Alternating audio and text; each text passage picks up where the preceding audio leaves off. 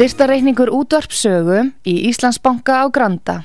Útubú 513, höfubók 26, reikningur 2.11.11. Nánari upplýsingar á útvarpsaga.is. Takk fyrir stöðningin.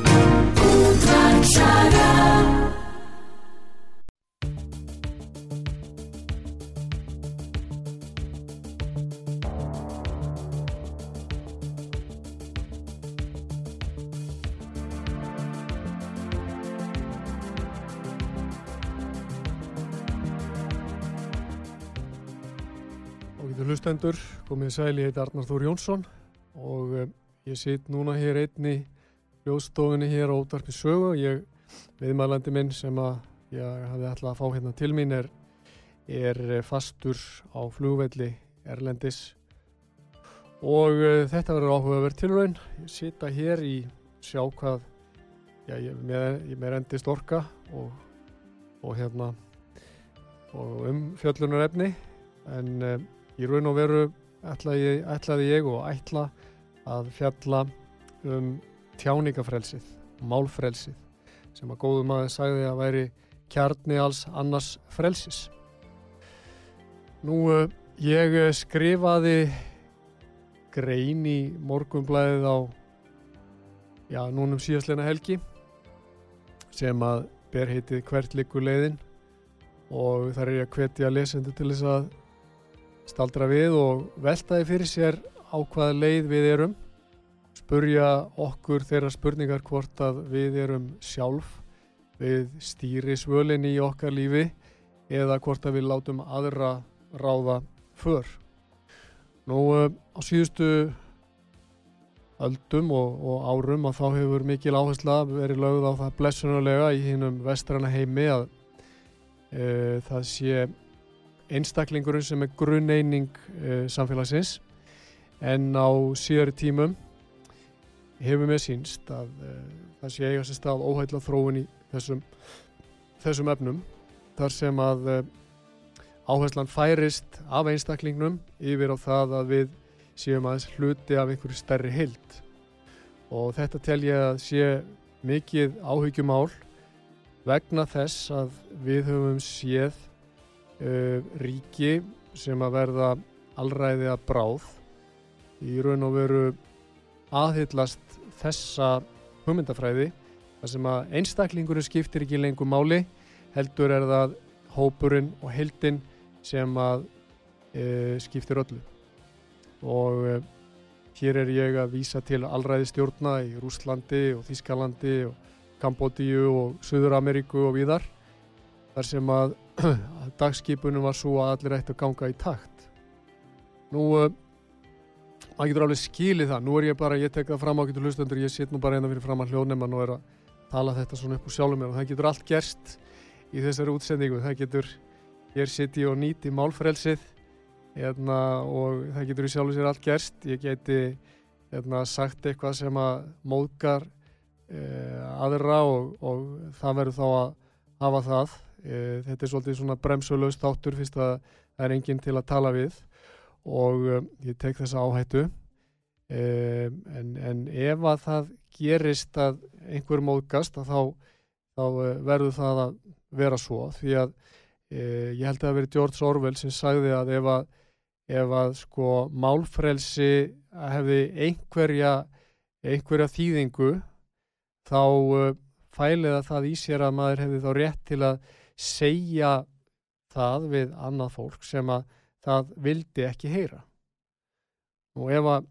ef að hins vegar þessu verði snúi við og aðrir ættu að fá að ráða því hvað ég og þú segjum þá er málfrelsið orðið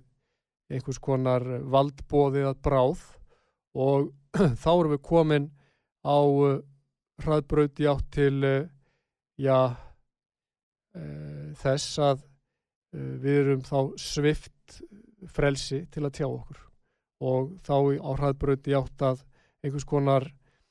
uh,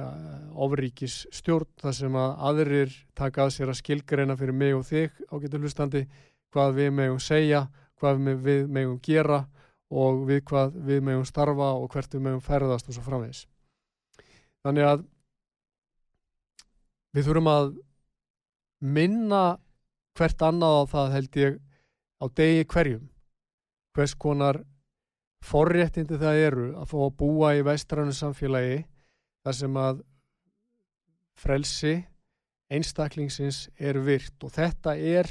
bara svo að maður setja það í samhengi.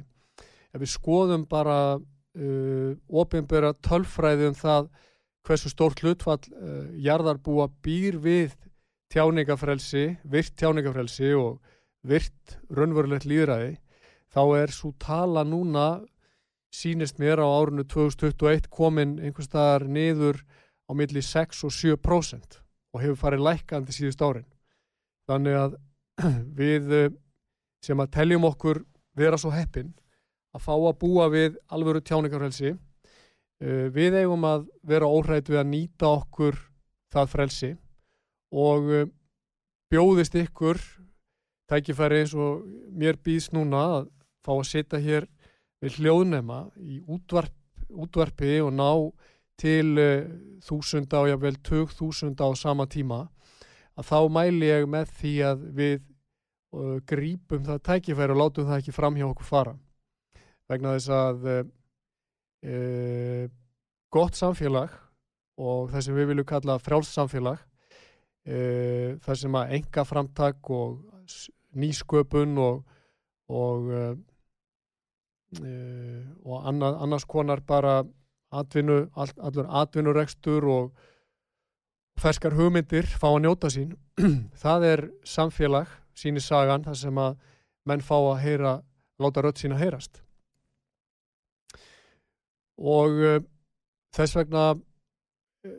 vil ég hvetja ykkur sem á, mig hlýðið að vera ekki feimin við það að að spurja spurninga efast um það sem er vinsælt á stundina og uh, leif ykkur að setja fram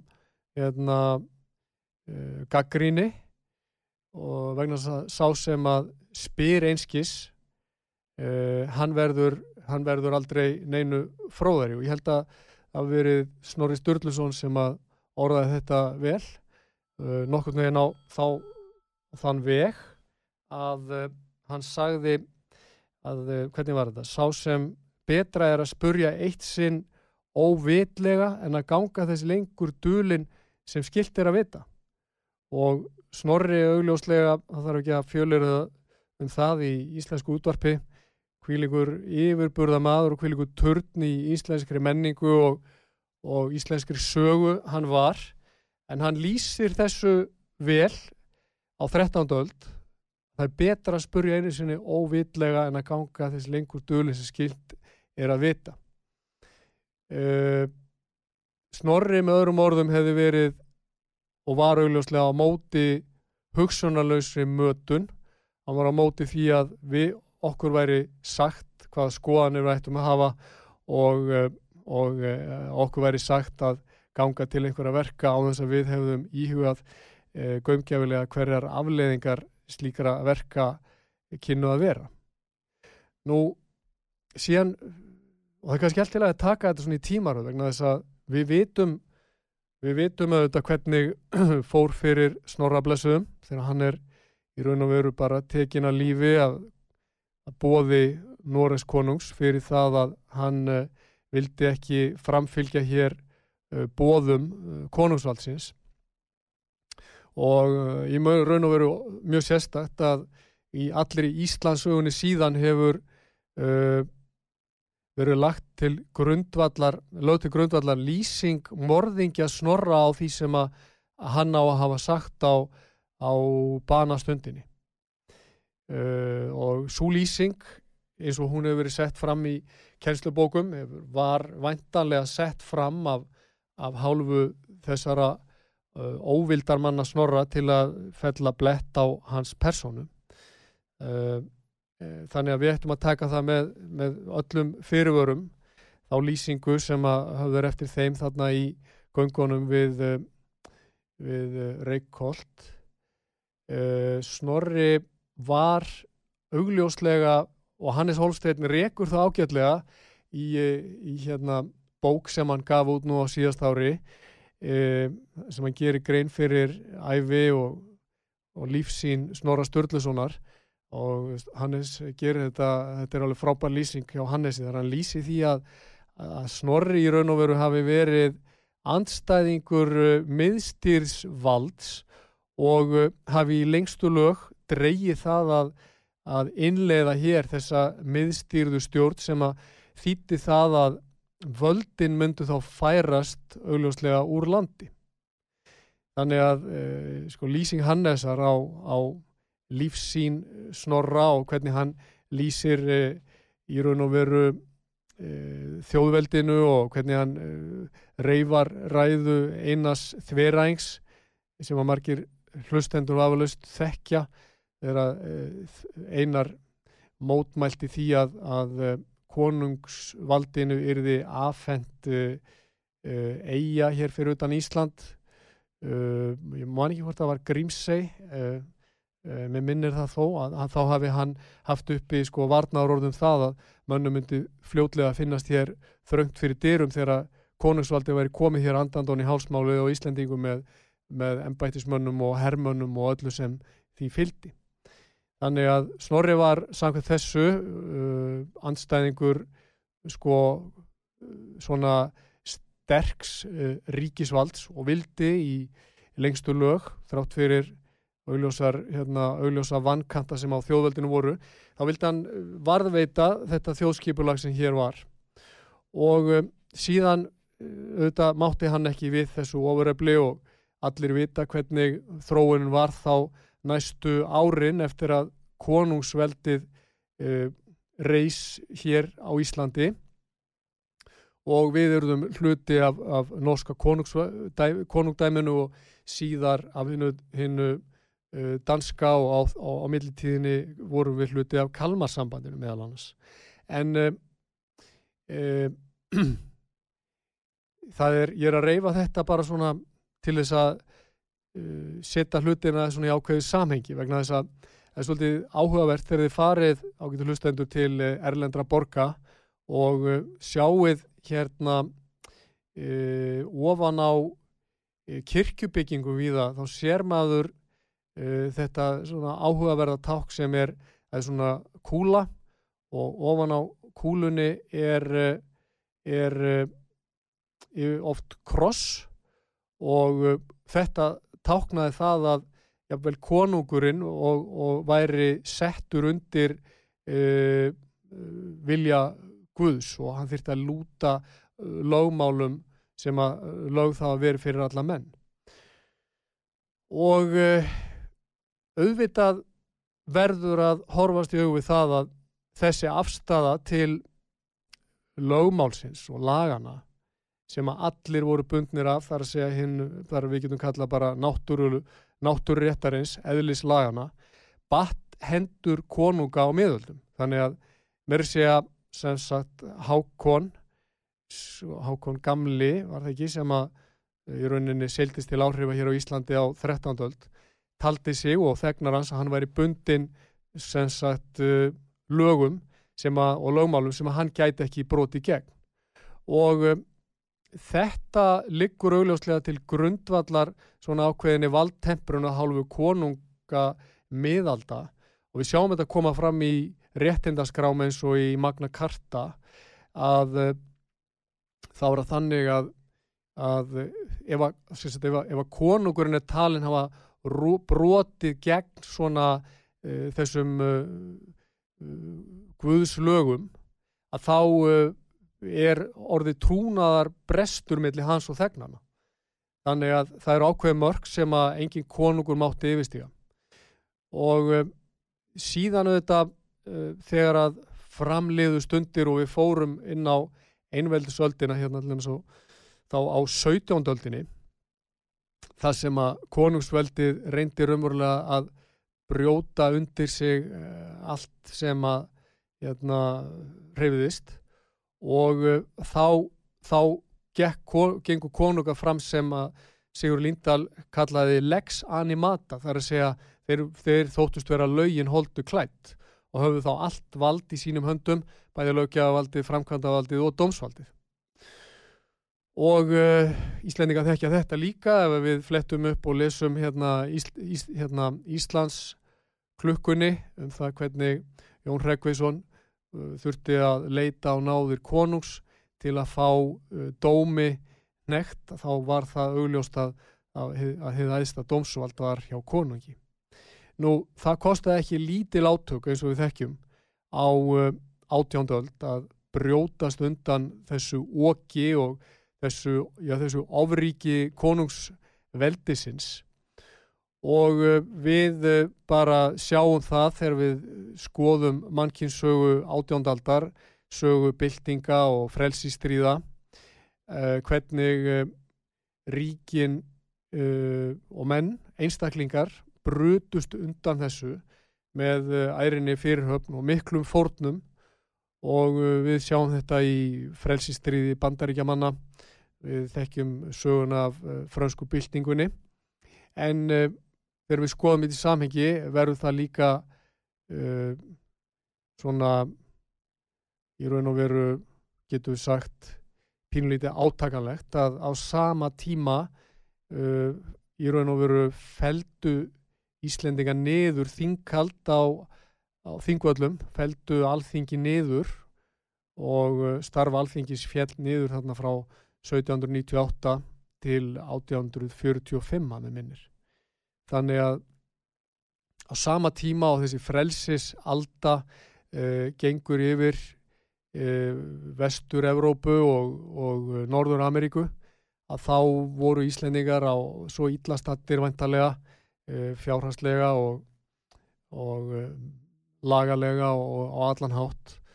Og svo valdsviftir búinir að vera í, í, í margar aldir undir, undir hérna, fjarlægu konungsvaldi að þeir feldu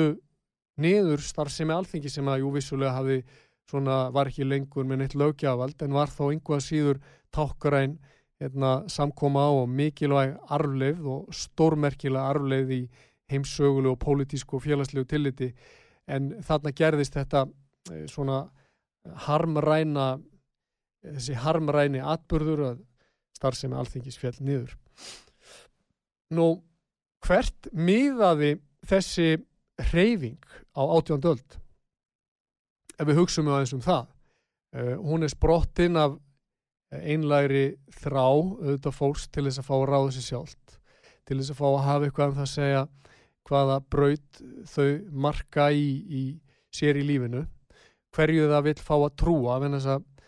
þessi stríð voru auðvitað líka afsprengi alls konar uh,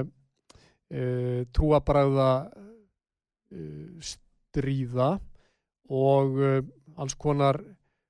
kúunar sem að fylgdi því þegar að menn voru að reyna að berja menn til hlýðinni við þann, þann átrúnað sem að ríkti á hverju svæði fyrir sig. Og þess vegna er það engin tilviljun að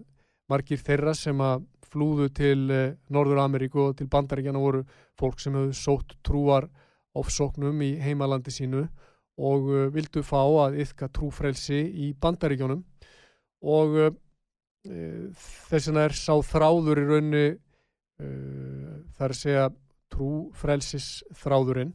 og samvesku frelsis þráðurinn og málfrelsið geipilega,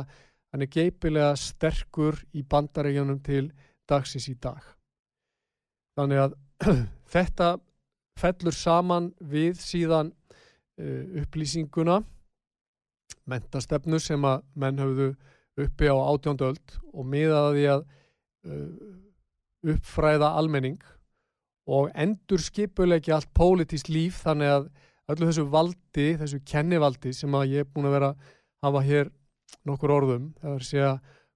konungsvaldinu, klerkavaldinu og, og, og annars konar í raun og veru svona hugmyndafræðilegu valdi er í ítt til hliðar og einstaklingurinn er þið vald eldur, ef það má segja það þannig, hann hefur verið sviftur völdum og áhrifum þá í, í gegnum hérna þessi, þessar löngu aldir og uh, það átti þá, við skulum ekki gleyma því, það átti við ekki bara um konur og ófrjálsa menn heldur í raun og veru átti það til líka við um stæstan hluta hérna, kallmanna sem að voru eignalausir og, og landlausir og, og nutu yngra forréttinda í þessum samfélagum. Þannig að þegar að vindar frelsis fóru að blása þarna um Vesturlönd að þá varð í raun og veru ekkert sem að gatt haldið e, aftur af þessum, þessari bylgu og e, glæsileg dæmi og minnisvarðar um frelsist frá fólks voru ristir þarna þá í, í uh, lok uh, átjóndaldar sjálfstæðis yfirlýsing bandaríkjana sem að Tómas Steffensson samti er stórkoslega merkilegt plagg. Þar sem að hamraðir á uh, þessum heilaga rétti manna til að fá að nýta það frelsi sem honum er gefið, af Guði gefið og leita hafmyggjunar á sínum eigin fórsendum og ég veit ekki hvort að þetta er viðkvæmt að segja þetta í útvarpi en ef maður les sjálfstæðis yfirlýsinguna þá er það alveg ljóst að og maður les æfisu Tómas Jefferson og þessara manna sem að voru þar fremstir í flokki í frelsisbaráttu bandaríkjamanna að þá uh, litu þeir allir svo á að frelsið væri frá Guði komið. Og um, Ég nefni þetta hér vegna þess að í þeim, uh, ég veit hvernig að segja, í þeim uh, uh, ógöngum sem að sum vestræn ríki hafa ratað í núna síðustu misseri. Og þá vil ég lega mér að nefna Östuríki og Kanada og Ástralíu og fleiri ríki þar sem að frelsi fólks til ferða, til að tjá sig og uh, frelsi fólks í rauninni til að andæfa kennivaldi hefur verið kerfisbundið brotið niður með lauruglu og herrvaldi og stóðufangils og svo framvegis. E, misvirðir þennan grunn sem að ég var að nefna áðan frá Thomasi Jefferson og sem ég var að nefna áðan með hugmyndir miðaldamanna um eða aðsta vald. Því að ef við viðkennum það að frelsi mannsins sé af Guði gefið en ekki af stjórnvöldum að þá geta stjórnvöld heldur ekki svift okkur þessu frelsi. Ég vonaði skilji hvað ég er að fara. Ef að stjórnvöld gefa okkur ekki frelsi okkar til að tjá skoðanur okkar. Ef að stjórnvöld hafi ekki gefið okkur frelsi okkar til að fá að velja hvert við ferðumst. Ef að stjórnvöld hafa ekki gefið okkur frelsi til að fá að evast og mynda okkur eigin skoðanir, að þá geta stjórnvöld í raun og veru ekki svift okkur þessu frelsi heldur. Ég vona að þetta sé alveg skýrt og ég hef svona doldið saknaðis í umræðum um valdbeitingu stjórnvalda að þessi punktur sé með einhverju móti nefndur því að í mínum huga uh, ég lít svo á að þegar stjórnvöld eru farin að svifta menn, menn uh, réttindum og frelsi sem að eru meðfætt að þá séu stjórnvöld búin að yfirstíga þann þröskuld sem ég nefndi líka á þann sem er þröskuldur sem að kenna má við einhvers konar trúnaðabrest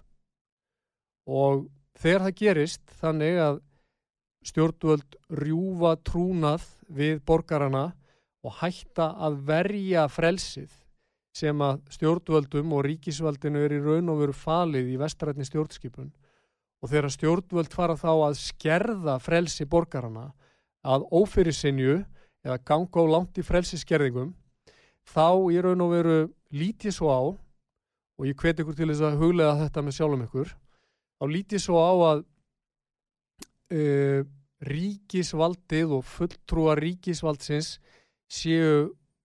komnir út á svæði sem að þeim leifist ekki að vera á. Ég vorða svo í einhverjum að mínu greinum að gufuasta hlutverk lagana og ríkisvalds sé að verja frelsi borgarana og ekki að skerða það. en það hefur sem sagt gerst meira segir ríkjum sem að státa sig að því að vera lýraðisiki að þessi réttindi hafa verið skert á síðustu misserum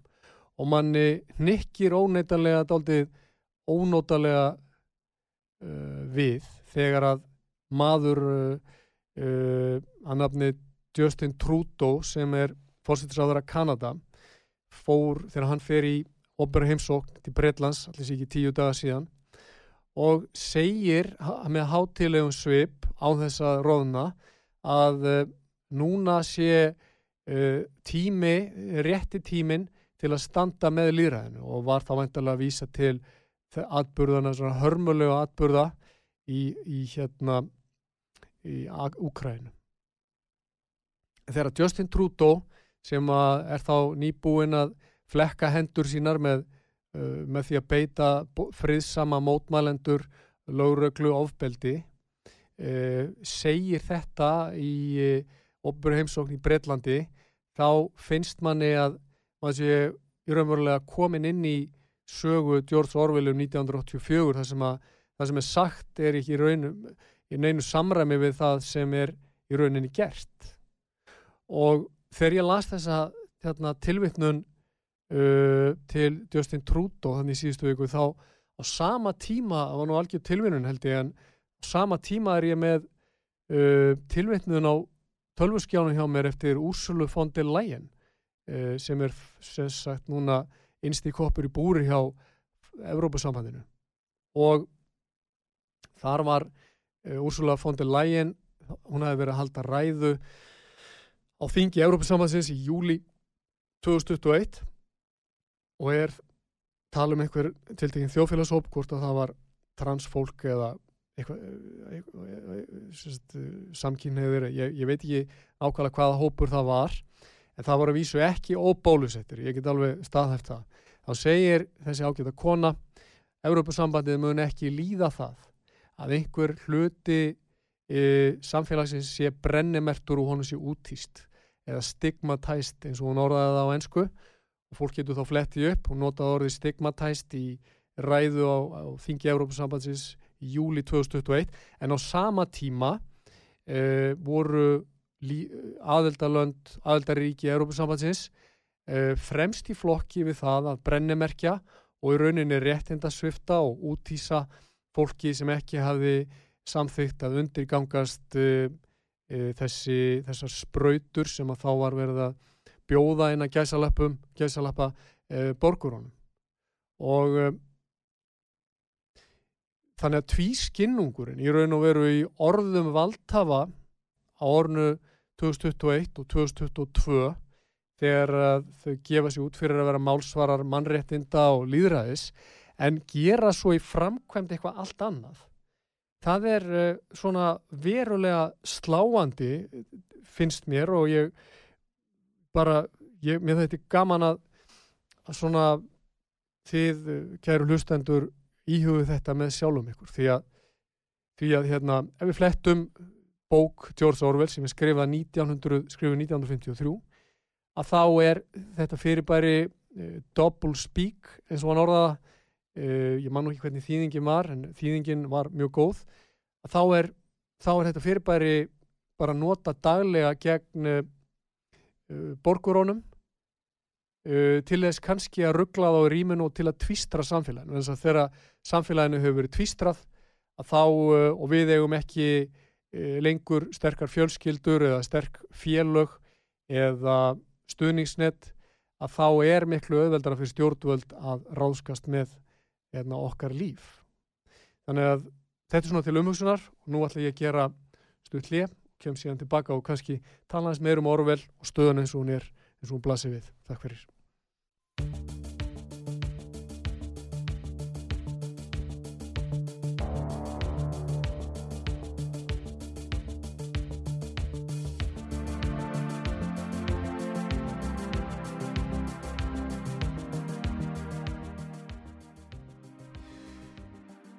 Góður hlustendur, ég heiti Arnar Þór Jónsson. Ég, ég sitt hér í hljóstofu og er að skóra sjálfa mig á hólm á segja með því að tala hér bladlaust í kannski í klukkutíma. Við sjáum hvernig, hvernig mér líður eftir, eftir hérna 45 mínútur en ég er þar stattur að ég er búin að vera að tala í dag um uh, tjáningafrelsið uh, ofríki og tvískinnung í uh, framgöngu stjórnvalda uh, tvöfældni í orðalagi og uh, gerðum. Það er að segja þegar orð og gerðir far ekki saman. Og uh, ég var að nefna áður en að við gerðum hérna hlið þá er ég að tala um Orwell og þessa ótrúlega merkilegu skáldsögu George Orwell, svona vísindaskáldsögu sem hann skrifa 1953 og er svona með merkilegri bókum sem að ég hef lesið. Ég er nú eiginlega hættur að lesa allt sem heitir skáldsögur en ég vil nefna þá bók og ég vil líka nefna, fyrst ég er byrjaður að eh, nefna hér sem sagt uh, uh, meistaran og Margarítu sem er eftir Bulgakov og lýsir í rauninni vel líka uh, stöðu fólk sem býr við uh, allræðis uh, stjórnafar og ofríki. Orvel, hann lýsir þjóðfélagi þar sem að það er rauninni einn miðill sem að básúnar eina skoðun yfir samfélagið með regluböndum hætti yfir allan, sagt, allan ég bara allan daginn. Og uh, þessi miðl er síðan notaður í þáu valdhafa til þess að fylgjast með borgurónum og uh, takur umferð þá sem er óþægilegir. Og uh, þessi miðl er auk þess notaður til þess að breyða út hatur á óvinnunum og orfið lýsi samfélagi þar sem að samfélagsleist tröst er í raun og veru algjörlega horfið.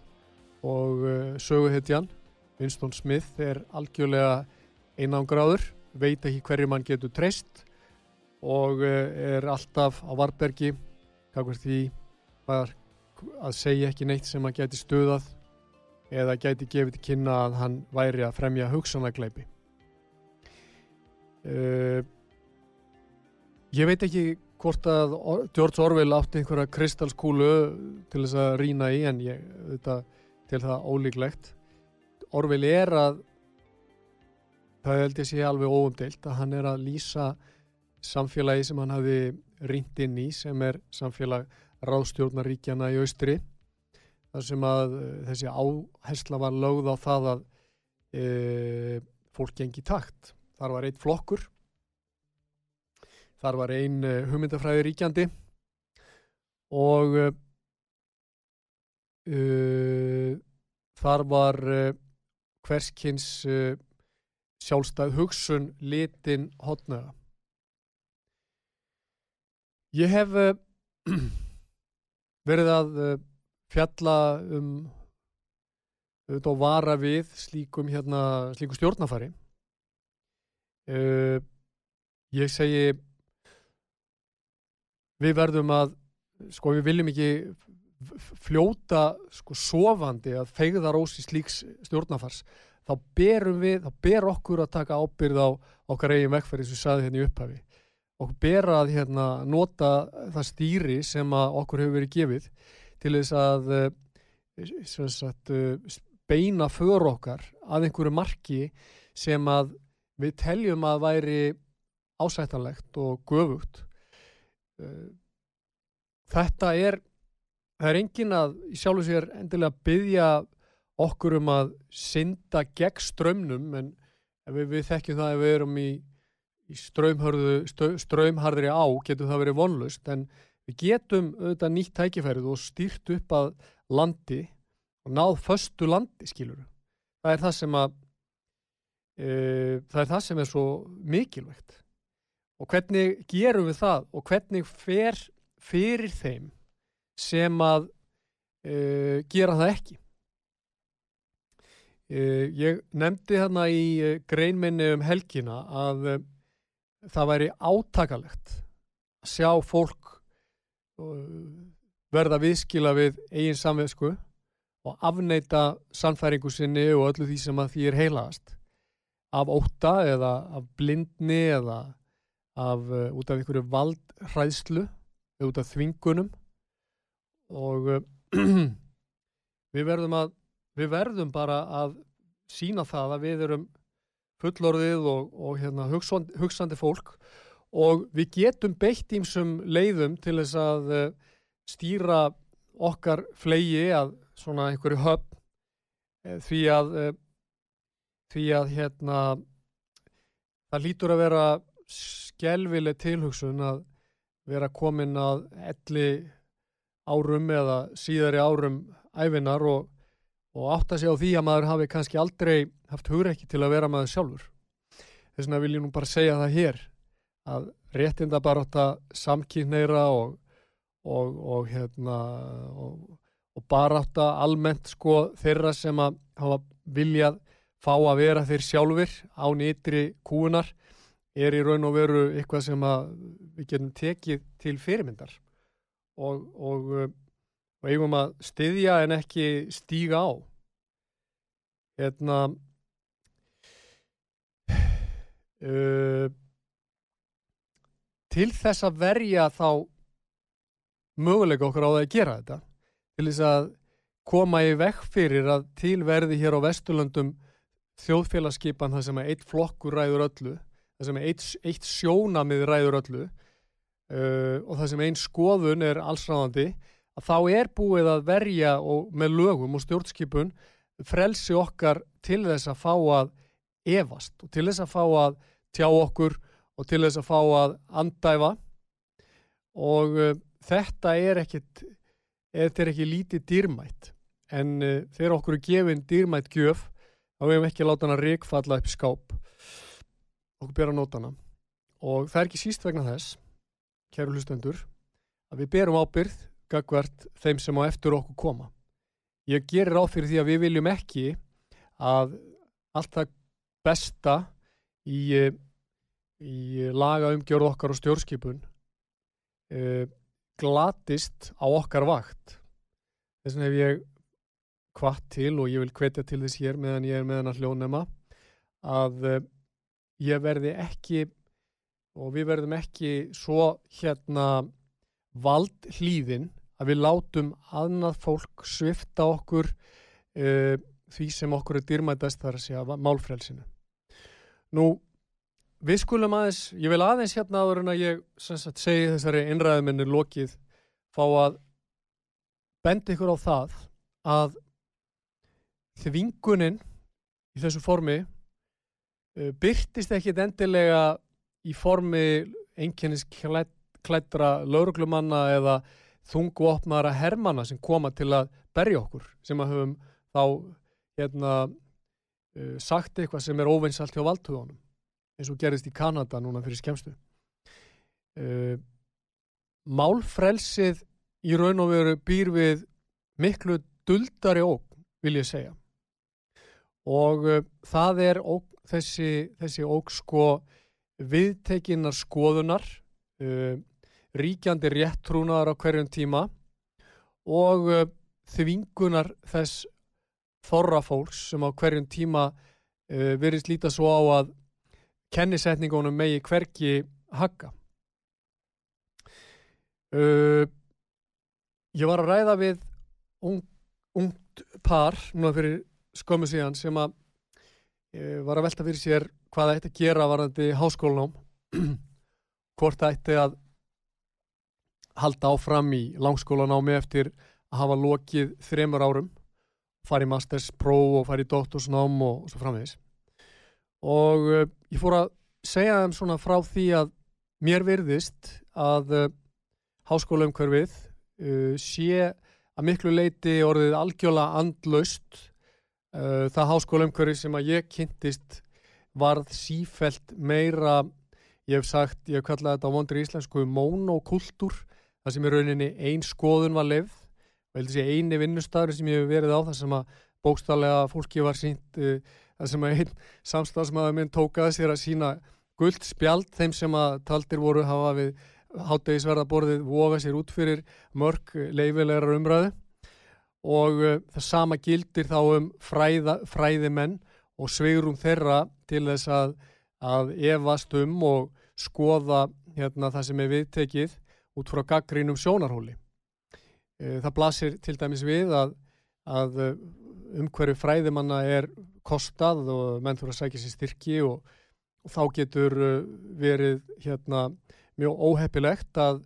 að fyrir þá sem allar sér að sækja styrki og vera virkir í, í fræðastörfum að skrifa þannig að þeir séu taldir óþægilegir og, eða, og þannig að þeir fá ekki styrki eða þá að þeir fara stíjón og tætna á þeim sem er að styrkja á. Þetta hefur meðal hans leitt af sér að, að svona döli nóg hefur í raun og veru ná tökum á uh, þessum fínustu háskólum í heimi sem eru breskir háskólar og kynverjar eru komnir sko þeir hafa á mondri íslensku aftur svona infiltrerað uh, breska háskóla með hérna, heiminháum styrkveitingum sem hafa lama gaggrína umræðu innan háskólana þannig að það eru, það eru teikna á lofti þar um það að háskóla umhverju sé ekki endilega það hotlasta fyrir ungt fólk. Síðan er það annað mál og ég rætti það líka við þess að ágætu viðmælendu mína að uh, atvinnu lífið er það ekki endilega heldur. Því að ef þú ætlar að ná hérna uh, frama innan atvinnulífsins að þá er eins gott líka að þú hérna núna uh, gangir í takt við þær skoðanir sem eru e, vinsalar á hverjum tíma ef þú vilt ekki að, að e, einhvers konar e, aktivistar beitið þig efnahagsþvingunum eða ráðist í einhverjar markasheðferðir gegn þínu fyrirtæki. Nú síðan náttúrulega sem væri efni í heilan þátt er í raun og veru svo einsleitni sem að gætir innan ennbætsmannakerfisins bæði hér og erlendis sem að byrtist í því að fólk víkur í vaksandi mæli frá þeim prinsipum sem ég talaði um hér í upphæfið þáttar. Uh, um það að við erum einstaklingar og víkur í, frá því í þá átt að fyrir að ímynda sér að þau séu starfið sitt. Þau séu í raun og veru starfs hlutverki sitt. Og þetta uppliði ég mjög sterklega þegar ég hafði hérna gerst uh, dómari. Ég hafði, ég voru að ræða þetta við þetta unga fólk, ég sagði ég þegar ég var ungur hérna, lögfræðingur þá held ég að ég hefði svona haldið því alveg opnið að ég ætlaði einhvern tíman að verða dómari og ég fór út á það braut að ætla mér að bara, þú veist, ég gerði í rauninni allt rétt. Ég var dómarafulltrúi, ég var lögmaður og flutti mál, ég kynntist uh, stjórnsýslunni og vann í dómsmálaráðanitunu, ég skrifaði fræðigreinar og var fræðimaður í háskóla og fetaði hérna, uh, hvað heitir þetta, hérna framgámskerfi innan háskóla umkörfisins og hérna ég gerði raun allt rétt síðan þegar ég kem inn í hérna, dómara embættið og það umkörfi þá áttaðum á því að að uh, það var tala við mig eins og ég væri ekki lengur ég sjálfur, ég væri orðin starfs hlutverki mitt. Og þegar ég hérna fór að tjá mig um það sem ég tel að sé grundvöllur frjáls samfélags þar að sé borgarleg og uh, stjórnmáluleg réttindi og hef aldrei sagt neitt ljótt, ómálefnalegt eða, eða hérna, gengi neitt yfir einn stryk í minni tjáningu að þá uh, uppliði ég sko tilraunir til þess að menn reyndu að þakka niður í mér í tveggjamanna tali og síðan með því að leiða mér inn á fjölmennan félagsföndi og dómarafélaginu til þess að segja mér að, að, hérna, að vera góðu strákur. Af því að ég væri sagt, hluti af þessum hóp. Ég sagði nei, ég er einstaklingur og ég ætla að fá að segja það sem mér sínist. Og,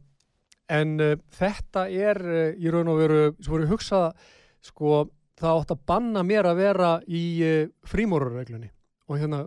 það félagstarf sem hefur kannski gefið, bara ég vil segja það, gefið mér mest af öllu félagstarfi sem ég hef verið í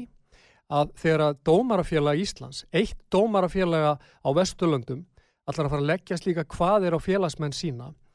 að þá hugsaði með mér býtu þeir hafa ágjör af því að innan frímóruregluna sé verið að vinna gegn samfélaginu og gegn einhvers konar borgarlegu réttindum.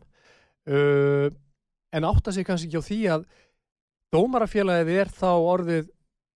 sko mögulega nútíma gildi sjálft. Það er að segja svona ef að sagt er að frímúrarstarf sem sprottið af uh, yðingildu miðalda að þá er kannski dómarafélagið orðið sagt yðingildi nútímans. Það sem að menn vinna inn á lokuðum fundum að því að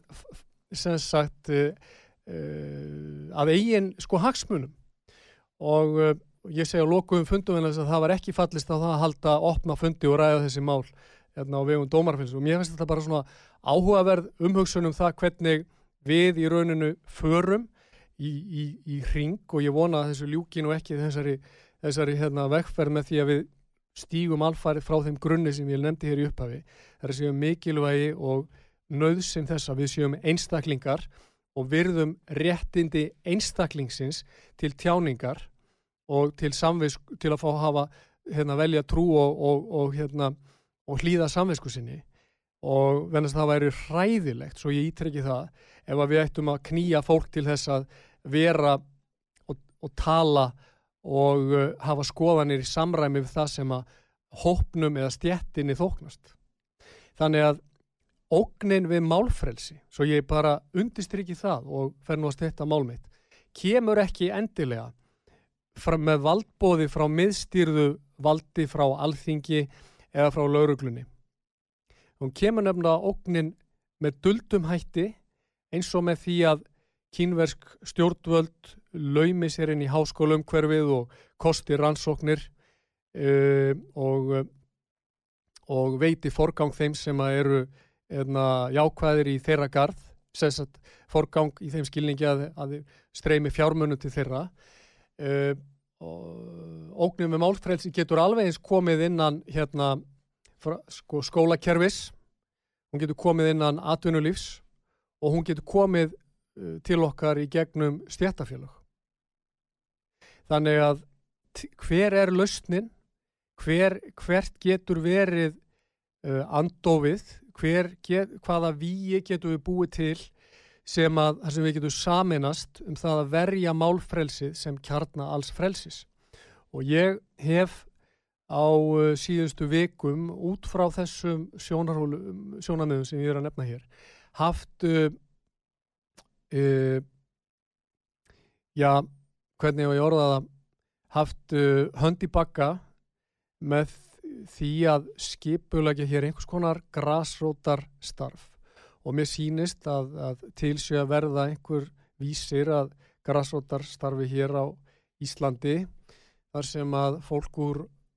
öllu litrói stjórnmálana uh, kemur saman í þeim eina tilgangi og þetta er ekki pólitíst ég vil undirstryka það, í þeim eina tilgangi að eh, verja málfrelsið, verja þessa umgjörð sem að, og þennan grunduöll sem að er fórsenda all, alls annars frelsis, þar með talið efnahagsleira og borgarleira réttinda. Þannig ég bara segja ef, ef, að, ef að það verður, ef að þessi grassót sem að núna er orðin til vísir að, vísir að verður að einhverju stærra og meira að þá eh, er það ekki gert í neinum pólitískum tilgangi og ekki til að taka afstöðu í pólitískum ágrænismálum heldur til að standa vörð um frjálsa umræðu um gaggrina hugsun, um evasendir standa vörð um það sem við erum, við mennir við getum ekki talist full sko já full sko hvernig, hvernig myndum maður orða það? Við, við njótum ekki fullrar mannlegra reistnar ef við fáum ekki hafa frjálsa hérna, hugsun, frjálsa tjáningu og frelsi til að evast og frelsi til að gaggrina og frelsi til að eiga með okkur félagskap og frelsi til að hittast, til að gleyðjast saman og til að sirkja saman og til að ferðast saman. Þetta er grunnur að öllu sem við getum kallað líðræðislegt uh, samfélag, grunnur að öllu sem við getum kallað frjálst samfélag og ég bara vil hér í lok þessarar löngu ræðuminnar lýsa förðuminni á því að háskólamenn hafi kosið að þeia yfir því sem að gerst hefur hér á Vesturlöndum síðastleginn tvö ár. Þegar þrengt hefur verið að öllu þessu sem að ég var að lýsa nú og ég tel dýrmætast í okkar stjórnskipun. Ég vil lýsa förðuminn á því að uh, stjórnmálamenn sem að á alla daga básuna um líðræði og mannréttindi hafi kosið að þeia yfir þeim uh, skjelvilegu aðgerðum sem að stjórnvöld í nákvæmlega okkar og vestræðinu ríkjum hafa ráðist í gegn borgurum í sínum uh, löndum og þá vil ég aftur nefna Östuríki og Kanada og, Ástralju og fleiri ríki mætti nefna. Og ég vil furða mig á því og gaggrina það enn og aftur að fjölmiðlar hafi kosið að taka ekki þennan slag vegna þess að ef, við, ef að fjölmiðlar eiga þjóna einhverju tilgangi í frjálsusamfélagi þá er það einmitt að efast um það og gaggrina og taka til skoðunar og bregða ljósi á það sem er vinsælt og almennt viðurkent og viðteki þá stundina. Fjölmiðla sem hins vegar spila með valdinu eru ekkert merkilegri en svo hérna, þeir þokulúrar sem að George Orwell lísti í 1984. Þeir eru þá baronin einföld málpípa valdsins. Og þess vegna, ágættu hlustendur, er ég komin hingað í þessa hljóðstofu á þessari óvinnsælu útvarstöðu sem sömu vilja nefna til þess að nýta málfrelsið meðan ég hefða til að hvetja ykkur til að nýta ykkar eigin málfrelsi til að koma til samstars við mig og aðra sem að vilja verja þennan einsta kjarna frjáls og líðræðislegs samfélags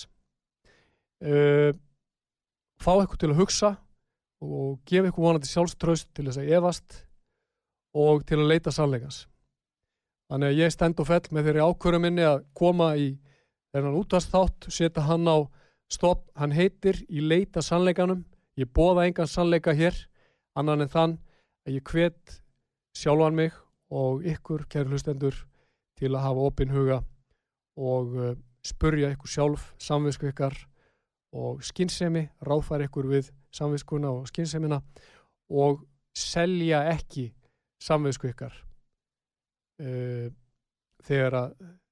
þegar að þeir byrtast sem að kunna að vilja kaupa hana með stöðuveitingum eða með fjármönnum eða með gillubóðum eða með þvingunum. Þannig að við erum gæslumenn þessara, þessar dýrmæta loga sem að frelsið er og okkur ber að skila því að óskertu til batna okkar og batna batna og annara sem að þetta land hérna vilja byggja. Þannig ég kveð ykkur á þessum orðum og ég þakka þeim sem hlýtu. Verðið bless.